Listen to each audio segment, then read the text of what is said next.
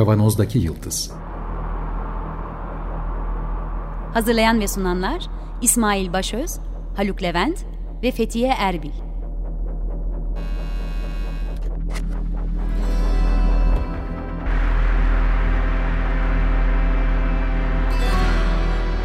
Bugünün penceresinden geleceğin ayak izleri.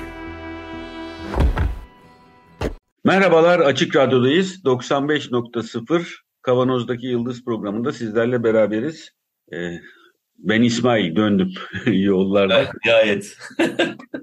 Şimdilik kaydıyla. Ee, ama yollar güzel. Fena değil bir yandan. Yorucu olsa da. Ee, Haluk'la beraberiz bugün sadece. Merhaba. Geçmiş olsun dileklerimizi iletelim. Fethiye yanımızda değil.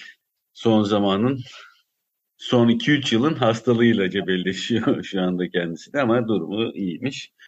İki haftadır Haluk e, ne diyelim sazı eline aldı ve çok keyifli bir konuyu konuşuyor aslında. Çok da e, kayıtta olmak isterdim gerçekten ama şimdi buna devam edeceğiz e, beraber. Geçen hafta bıraktığı yerden devam edeceğiz. Yine çok sevgili otoritelerimizden, çok sevdiğim otoritelerden Suşana Zubov'un Gözetim Kapitalizmi ismi e, isimli açılımıyla diyeyim. Sadece kitap olarak anmak istemiyorum. Evet kitabı Türkçe'de e, var artık e, bulabilirsiniz. Kötü bir çeviri olduğunun altını çizmek isterim yalnız benim kitabın. Yani becerebilen o zaman orijinal dilinden okusun diyelim. Evet. Bize açılım sunan çok önemli kaynaklardan biri oldu. Üç hafta, iki haftadır Haluk Sosyal Makine ismiyle e, konuştun. Ve burada da sosyal makinenin iki ayağını kabaca, ben bir toparlayıcı olarak gireyim, iki ayağını tanımladık. Bir e, arayüzler, e, sosyal medya diye isimlendirdiğimiz birçok ne diyelim mecralar, işte Facebook'lar, Instagram'lar, bir sürü aklımıza gelebilecek bu tür mecralar ve elbette sosyal makinenin diğer ayağı olan en önemli, e, çok önemli bir ayağı olan insan. Yani kullanıcı. Ee, aa, iki sene önce yaptığımız sosyal medya serisinde bunun altını çizmiştik değil mi? Evet. Bir, bir uyuşturucu kullanımında kullanıcı lafı geçiyor. Burada katılımcıyı tercih ediyorlar aslında. Yani e, sibernetik sistemlerle çünkü tam bu 50'lerde falan kurulmuş bir literatür aslında sibernetik. E, o en başından beri zaten insan makine işbirliğini içeren, tanımlayan daha doğrusu e, bir yaklaşım. Orada insan birimleri için katılımcı Yap, bana, evet katılımcı bana iki yüzlü geliyor açıkçası. Yani aslında katılımcı katılımcının etken bir görevi vardır sonucu itibariyle. Evet. Tamam mı? Yani burada da etken gibi görünüyor. Öyle hissediyoruz. Aslında biraz sonra da konuşacağımız gibi katılıyoruz sözde ama katıldığımız şeyin ne olduğunu bilmiyoruz. Sen çok güzel açıkladın bir önceki programda açıkçası. Büyük erekler, hani var ya büyük resmin parçası olmak. e, büyük erekler e, hedeflenen amaçlara gitmesi için e, bunu oluşturan kuruluşların ya da yine daha önce kullandığımız e, laflarla somut olarak söylersek şirket devletlerin e, evet. belki de buraya gitmesi için biz burada bir figüren oluyoruz açıkçası. Buna da katılımcı denmesi çok büyük iki yüzlük olarak geliyor bana. Kullanıcı daha dürüst bir laf sonucunda. evet yani uyuşturucu mecrasındaki gibi kullanıcı yani. Burada hemen şeyin karikatürünü atladım şimdi. Hep atıl kurt, atıl kurt, hiç katıl kurt demiyorsun demişti ya Tarkan'a. Güzelmiş. E, hatta burayı e, biraz böyle sağa sola dağıtarak başlayalım o zaman. E, yine birkaç hafta önce konuştuğumuz bir programda e, belirtmiştik. Protein katlanması ile ilgili Google'ın ünlü e, şirketi DeepMind çok büyük prediction'lar, öngörüler, e, 200 milyondan fazla proteinin nasıl katlandığına e, ve nasıl şekil oluşturduğuna dair yapay zeka e, ile tespit ki normal yollar çok pahalı ve uzun sürüyor. Tıpta devrim sayılabilecek bu yaklaşımın yani yapay zeka yoluyla proteinlerin şeklinin tahmin edilmesi ve tanımlanması öncesinde şöyle bir olay vardı. şu ana kadar 160 bin tane normal yollarla, konvansiyonel yollarla tespit edilmiş e, protein katlanması var ve bu e, veriler ortak havuzlarda ve açık bilim, açık veri e, prensibine uygun olarak buralarda toplanıyor ve DeepMind da buradan alıyor. Diğer herkes buradan alıyor. Bu şahane bir şey aslında. Herkes buradan alabiliyor ve herkes bununla ilgili çalışıyor idi. DeepMind çok büyük paralar ve zaman ayırarak ve donanım ve insan ayırarak çok büyük yol aldı. Açık verilerden aldığı bu örneklemi sonucunda oluşan algoritması ise kapalı şu anda. Bunu tekrar belirtmek istedim. Tıpkı burada olduğu gibi aslında. Yani bu amaca giden yolda çalışan bir perspektif var. Bu insanlar kendi yaptıklarını kapalı tutuyorlar e, ve biz de bu sırada hadi biraz önceki e, gibi söyleyeyim kullanıcı mı katılımcı mı buraya veri sağlıyoruz fakat kendi oluşturdukları sonuç çıktılarına ulaşmak üzere kurdukları algoritmalar kendilerinde kalıyor mesela. E, işin bir kısmı da bu. Doğal olarak da katılımcı kullanıcı kısmı biraz e, en azından Türkçe için e, bu açıdan şey bana göre e, tartışmalı bir nokta diye söyleyeyim. Senin şeyine geri döneceğim. bir klasik bürokrat perspektifli algoritmalardan bahsetmiştin Haluk. Ne olursa olsun e, girdisi çıktısı çok düzenli, çok belirli. Bir önce söylediğin gibi, daha doğrusu programdan önce söylediğin gibi normal beklenenin dışında bir şey geldiği zaman da ne yapıp edip oraya uyduran algoritmalar en başta başlamış idi. Sonra da otonom algoritmalardan bahsettin ve bunun da örneğini işte e, video seçmek, film seçmek, müzik seçmek konusunu kullanılan alanları söyledin. Eğer ben direksiyon kırarsam müzik dinlerken e, bir sene önce bana gösterdikleri yerine bu yeni e, alandan gelen verileri alarak yeniden bana sunuyor ve bu konuda da kendini geliştiriyor sürekli e, bu algoritmalar. Öğreniyor diyelim evet. Öğreniyor, geliştiriyor e, ve çok daha fleksibil bir yapıya sahip oluyor. Hatta burada aslında en başta algoritmayı yazanların dışında da kendi söylemleriyle söyleyeceğiz. Şu anda kullandıkları algoritmanın detaylarını dahi e, algoritmayı yazanların bilmediğini biliyoruz. Çünkü kendini geliştirmiş algoritmalar. Bir de bunun sonuna da teleolojik ekledin. Ben önce anlamakta biraz güçlük çektim gerçekten. Onun için bir dedim ki sözlere de bir bakayım. Şeyden önce zaten algoritmalardan, bilgisayardan, sibernetikten önce de teleoloji var olan bir kavram imiş. Yaşamı ve evreni ereklerle temellendiren Wikipedia'dan okuyorum kusura bakmasın. Evet. E, bence de e, gelmiş gelmiş en güzel ansiklopedilerden biri. Teleoloji yaşamı ve evreni ereklerle temellendiren ve açıklayan düşünce biçimidir. Nedensellikten farklı ve ona karşıt olarak teleoloji her şeyin temelinde bir ereksellik, amaçlılık bulunduğunu, bir erekle belirlenmiş ya da bir ereğe yönelmiş olduğu fikrinden hareket eder. Böylece bir nedensellik varsa bile teleolojiye göre bu ereksel nedenlerden meydana gelir. Yani varılmak istenen ereğe doğru yönlendirilen ve oraya götüren nedendir e, buradaki şey. Sonucunda sen bu sosyal makinelerin son versiyonlarının artık teleolojik olarak adlandırılabilecek algoritmalar olduğunu söyledi. Doğru. Yani bu konuda e, aşağı yukarı son 10 yıl, 12 yıl içerisinde gelişmiş epey büyük bir literatür var. Kitaplar, makaleler bilmem ne. Orada yapılan tespiti ben aktardım. Yani ee, biz girdiğimizde e, içinde bulunduğumuz sosyal makinelerin içinde orada dolanırken aslında başka hedeflenmiş bir amaca doğru gidiyoruz. Yani otonomdan farklı. Evet. Otonomdan farklı değil mi bu arada? Yani otonom otonom otonom onun bir olmazsa olmaz parçası. Otonom olmasa o amacın çerçevesinde davranışlarını ayarlaması mümkün olmaz. Ee, şimdi şöyle diyelim yani o katılımcı meselesi de belki oradan geliyor. Zuboff'la da bağlantısını oradan kurdum ben. Yani o o bana ait diyebilirim. Çünkü şeyden e, literatürde Zuboff'un öncesinde gelişen bir literatür ama sonrasındaki makalelerde, kitaplarda da Zuboff'a bir atıf yok. Ama o gerçekten bu e, sibernetik makinenin e, temel amacını belirlemek açısından o hani en tepedeki makro amaç var kitaplarda gözetim diyor işte bazı makalelerde e, gözetim e, ve toplumsal kontrol amacının bir ereksellik taşıdığını bu makineler için söyleyebiliyor. E, ama daha çok bunlar şirketlerin elinde e, bulunduğu için ve onlar tarafından kullanıldığı için de satış ve pazarlama yani sonuç itibariyle e, kar oran şey e, kar amaçlı e, makro şeyler. Bu kar eğer e, insanları daha uzun süre e, sistemde tutmaksa işte ona yönelik bir amaç tasarlanmış oluyor. Daha çok ürün satmaksa ona yönelik bir amaç tasarlanmış Çoğunlukla böyle zaten değil mi? Seni e, kesmek bahsine girsem çoğunlukla bu. Evet ikisini birbirinden ayırmak çok şey. Zubov e, Zubov'un getirdiği şey ise bu sibernetik sistemlerde şimdi şöyle bir e, şey var.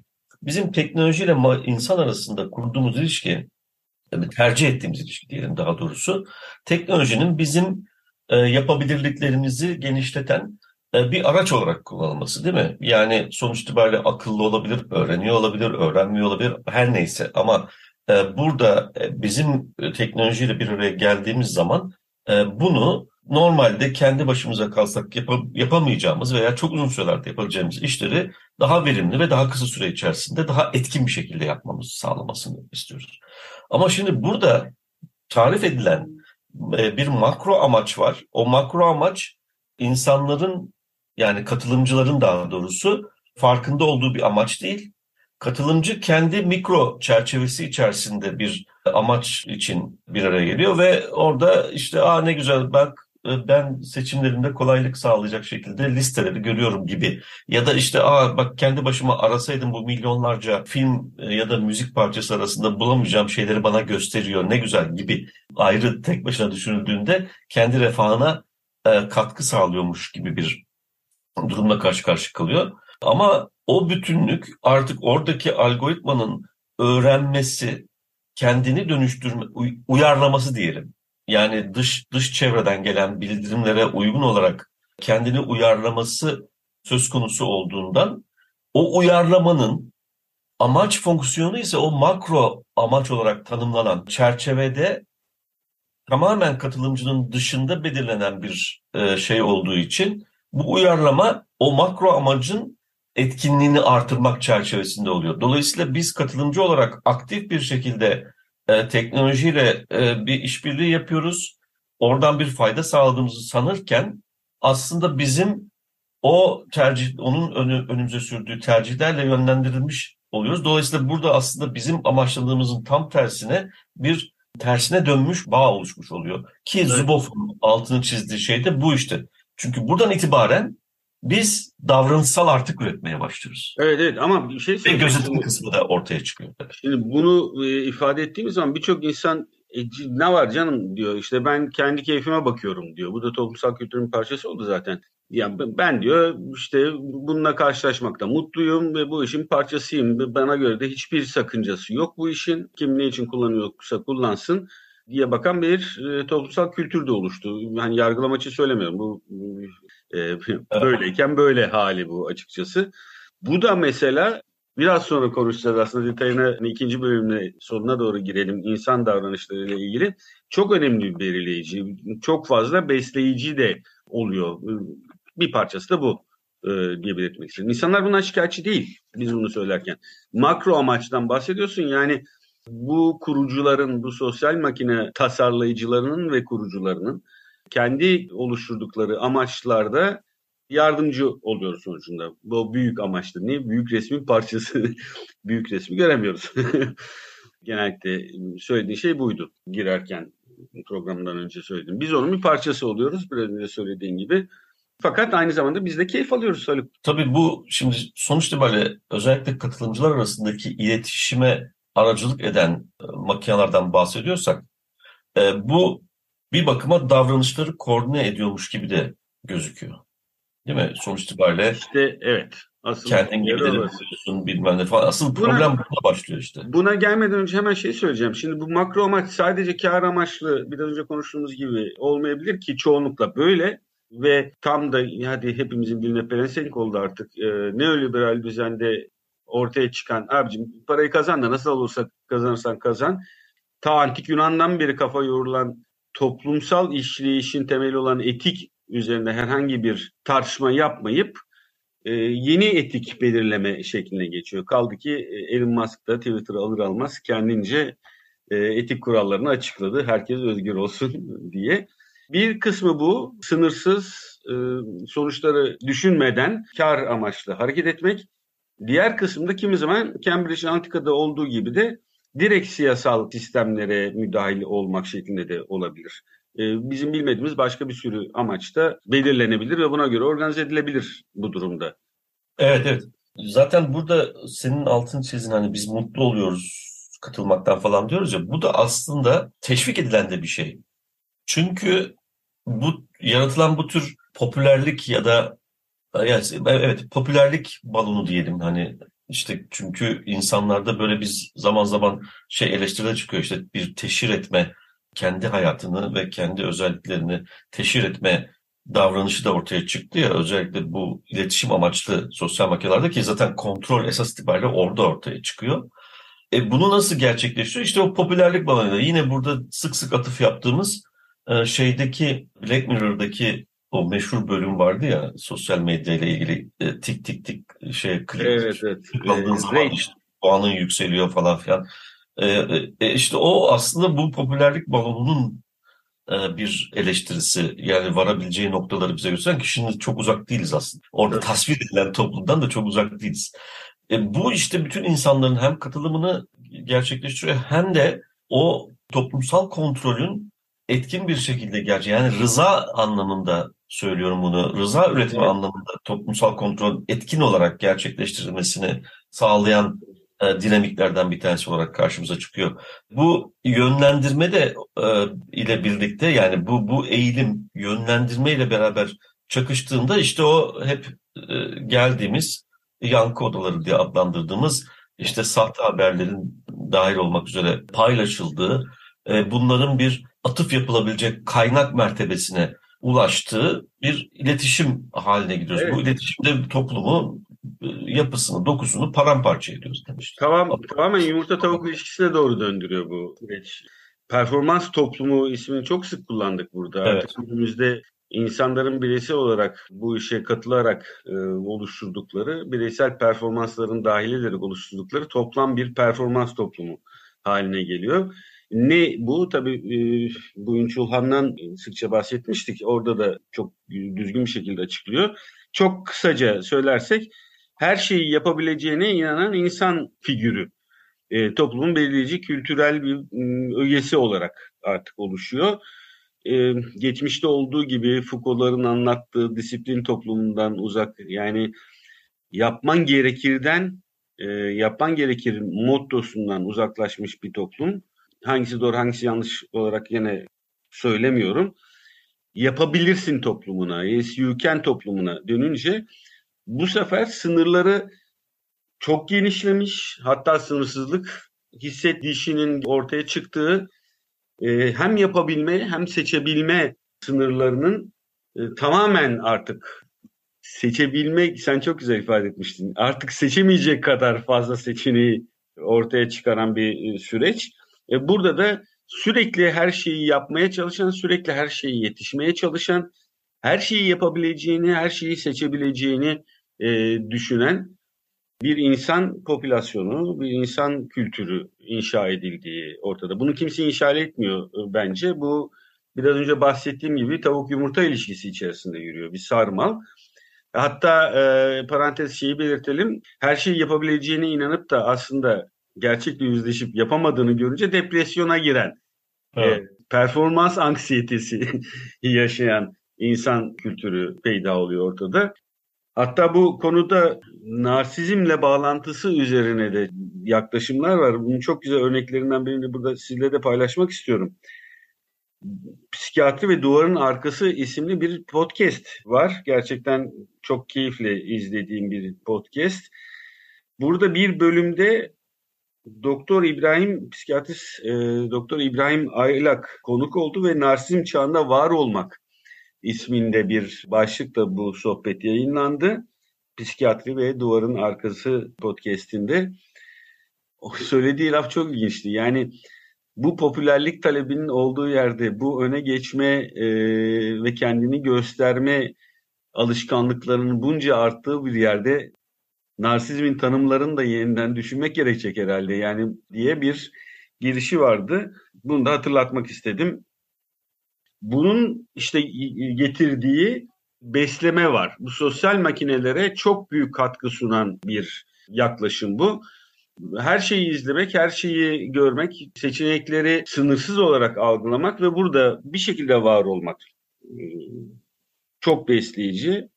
Bir de senin biraz önce bahsettiğin popülerliğin artması, popülerlikle beslenen bir psikolojinin insanda e, peyda olması tamam. Yıllardır insan evladı bulunduğu toplumda onay görmek ister. Çok doğru. Fakat e, yine söylemiştik bu cümleyi. Yahu 50 arkadaş, 30 arkadaş yeterken 3000 arkadaşı almak bir Instagram sayfasına, bir Facebook sayfasına hani akıl kârı bir şey değil ama burada tabii popülerlik üzerinden yürüyor. Bu popülerliğin yarattığı psikolojik tatmin lafını kullanacağım ama yani bana çok aldatıcı geliyor bu. psikolojik pohpohlanma diyelim.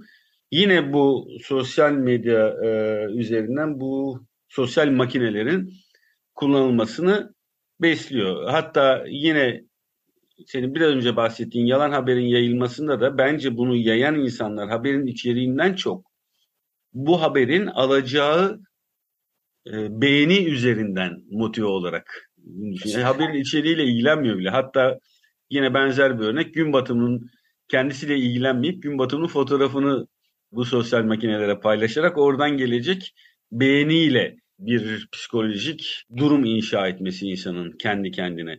Bunlar da işte besliyor bu sosyal makineyi insan ayağı olarak çok kısaca tabii konuşulur. Çok üstüne uzun uzun konuşulur ama biz zaten sık sık konuşuyoruz ve sonucunda işte e, Zuboff'un söylediği gibi davranışsal artığa geliyor ki bu sosyal makine tasarlayıcılarının ve kurucularının en çok şu anda peşinde koştukları e, şey de bu. Bu davranışsal artıkları toplamak. Hangi duygular, hangi hareketler bu insanların daha çok kar elde etmesine yol açar ya da siyasal yönlendirmede kullanılabilir davranışsal artı buraya oturtuyorsun herhalde.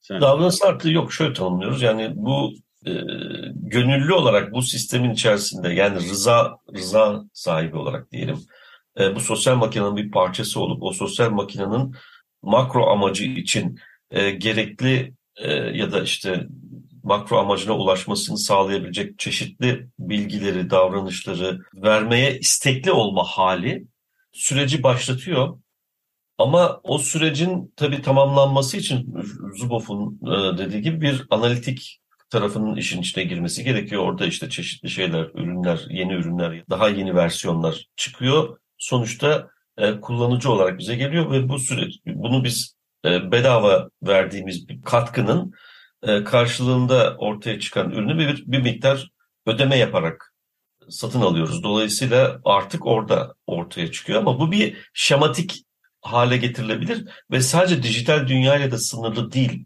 Onu da ben artık bir parça ortaya koyduğumu düşünüyorum. Kendi kafamda çözdüğümü düşünüyorum en azından. Reel ekonomide de bu bu tür bir döngünün e, yaratılması mümkün. İşte burada o zaman şey sorusu ortaya çıkıyor. Kapitalizm öncesi ekonomi biçimlerinde insan üretim aracının bir parçasıydı. Değil mi? Belirgin e, mübadele şeylerini, biçimlerini bir parça dışarıda tutacak olursak o zamanlar için etkin olmayan. Ama şimdi bu yolla kapitalizme geldiğimizde özgür emek ortaya çıktı. Çalışma bir zorunluluk e, haline aldı. Ama bu zorunluluk işte özgür sözleşmeler çerçevesinde e, çalışmaya dönüşüyordu. Şimdi tekrardan e, sanki böyle bir sürüleşme ve bu sürüleşmeye bağlı olarak da Angarya'yı esas alan ama bunu rıza göstererek gerçekleştirmeyi hedef alan bir düzene girdik. Bu dolayısıyla bizim bildiğimiz kapitalizmden farklı bir şey yani. Burada böyle özgür emek, özgür sözleşme falan gibi şeyler yok. Dolayısıyla e, bir kapitalizmden acaba başka bir mübadele biçimi, başka bir toplumsal ilişki, toplumsal e, üretim tarzı mı gelişiyor diye de bir soru var ortalıkta. Yani bu teknofeodalizm diye bahsediyor. Teknofeodalizm onun ötesine de geçiyor tabii. Yani teknofeodalizm de bir kıs, kısmen karşıladı bu şeyi. e, yapıyı. Ama Ee, sonuçta tanım- bu ciddi bir e, tartışma tabii. Tanımlar da yetişemiyor teknolojinin hızına. Evet, evet, çok alt üst oluş hali içerisinde şimdi küresel düzeyde. Dolayısıyla Evet. e, onu da normal karşılamak Yani gerekiyor. şimdi hatırlıyorum seni 6 ay önce, bir yıl önce falan böyle çok hararetle bu tanımı sen söylüyordun. Şimdi biraz önceki tanımda kaçındın. Hatta ben söyleyince hayır o bile yetmiyor artık dedi. Evet evet yani çünkü feodalizmin e, e, pek çok özelliğini burada görüyoruz ama onu da aşan ya da ondan da farklılaşan durumları var. Tabii tekno feodalizm feodalizmden ayrıştırıyor kendisini de haliyle e, içinde başka bir takım ama e, şu anda ismin önemi yok. Şu anda ne nereye doğru olduğumuzu tanımlamak önemli. Bizim için de yani bu programda zaten bunlar çok takıldığımız yerler değil. Ee, o zaman bugünkü programın da sonuna geldik. Evet, sosyal makine üzerine konuştuk 3 haftadır. Bunların daha önceki yaptığımız programlarla bağlantısını kurarak tamamlamış olduk bu seriyi. Sosyal makinenin sosyal makine diye tanımlanan olgunun iki ayağı, bir arayüzleri, bir de insan ee, yani arayüzler derken sosyal medya mecralarını bir de insan e, faktörünü kabaca toparlayarak bitiriyoruz. Bu programın size ulaşmasını sağlayan Açık Radyo'nun çalışanı bütün arkadaşlarımıza çok teşekkür ediyoruz. Program destekçimize çok teşekkür ediyoruz. Önümüzdeki haftalarda tekrar görüşmek üzere. Sağlıkla kalın. Hoşçakalın.